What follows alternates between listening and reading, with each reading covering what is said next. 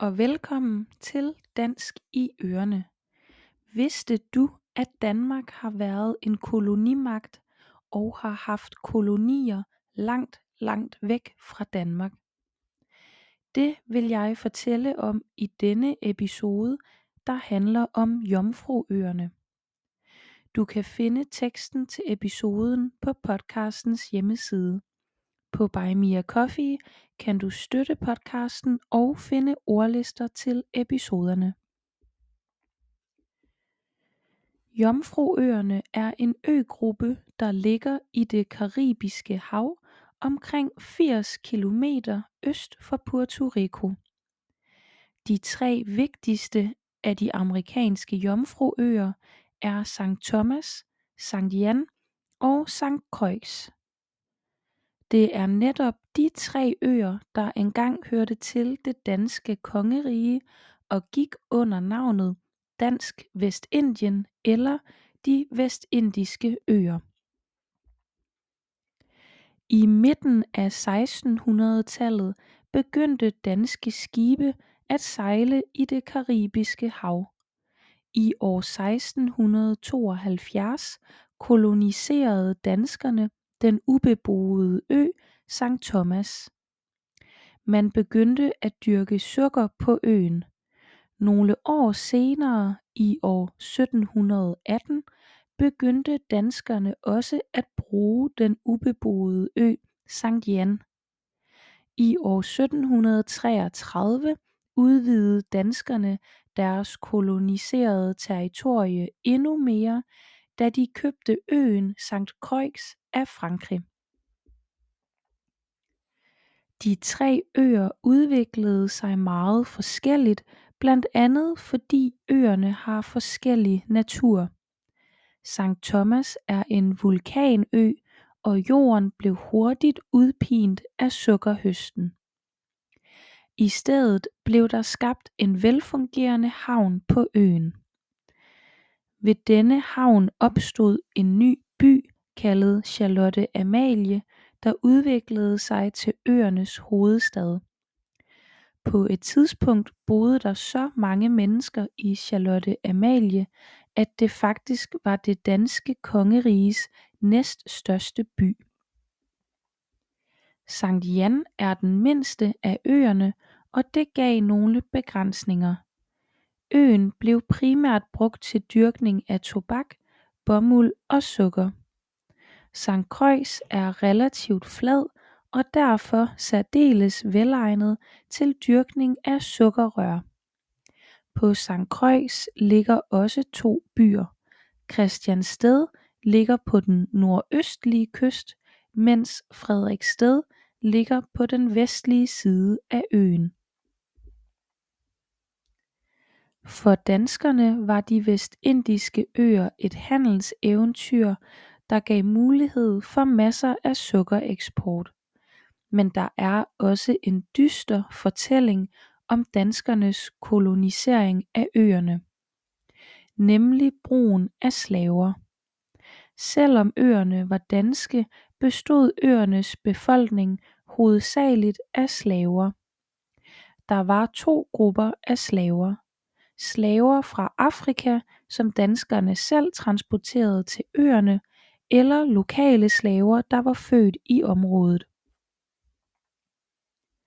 I år 1755 var der 32.000 slaver på øerne men kun 4.500 frie indbyggere.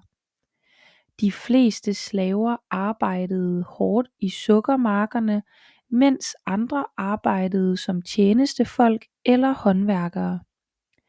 Slaverne var ejet af ejere og havde absolut ingen rettigheder. Nogle enkelte slaver lykkedes med at købe sig selv fri og fik titel af frineger. Men ellers var den eneste vej ud af slaveriet at flygte. Derfor opstod der flere gange slaveoprør hvor slaverne gik sammen og gjorde modstand. Det skete blandt andet på øen Sankt Jan i år 1733 hvor slaverne overtog kontrollen med øen Det tog danskerne hele otte måneder at nedkæmpe oprøret og tage magten tilbage det vigtigste slaveoprør skete i år 1848 På det tidspunkt havde briterne allerede ophævet slaveriet i deres kolonier og den danske konge havde året før besluttet at udfase slaveriet hen over en periode på 12 år. Da slaverne gjorde oprør på St Croix valgte den lokale generalguvernør Peter von Scholten at erklære slaverne for frie uden at spørge nogen om lov først. Og dermed blev slaveriet ophævet i år 1848 Efter slaveriet var blevet ophævet i år 1848 var det blevet en dårligere og dårligere investering for Danmark. Flere gange overvejede man at sælge øerne. Den mest oplagte køber var USA. Både fordi øerne ligger meget tættere på USA men også fordi USA var De Vestindiske Øers største handelspartner. I år 1902 var USA tæt på at købe øerne men salgsaftalen blev ikke godkendt af de danske politikere. Øerne gennemgik nogle hårde år med dårlig økonomi i starten af 1900-tallet Det blev svært at skaffe nok arbejdskraft til plantagerne efter slaveriets ophævelse. Under første verdenskrig begyndte arbejderne at strejke for at få bedre arbejdsvilkår og de organiserede sig med David Hamilton Jackson i front. Det var også under første verdenskrig at man endelig blev enige med USA om at sælge øerne.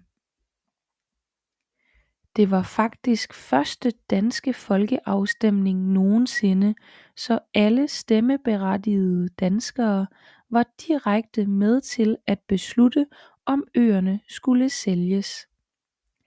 Salgsaftalen fik et flertal ved folkeafstemningen og i år 1916 købte USA De Vestindiske Øer af Danmark for knap 100 millioner kroner. Som en del af aftalen skulle USA også anerkende at Grønland hørte til Danmark. Befolkningen på øerne blev ikke spurgt hvad de helst ville. Den 31 marts år 1917 blev øerne officielt overdraget til USA og skiftede navn til United States Virgin Islands. Selvom det er mere end 100 år siden danskerne solgte Jomfruøerne er der stadig mange spor af den danske kolonitid. Blandt andet har USA valgt at beholde de danske by og gadenavne og du kan derfor stadig besøge byen Charlotte Amalie eller gå en tur på Dronningens Gade.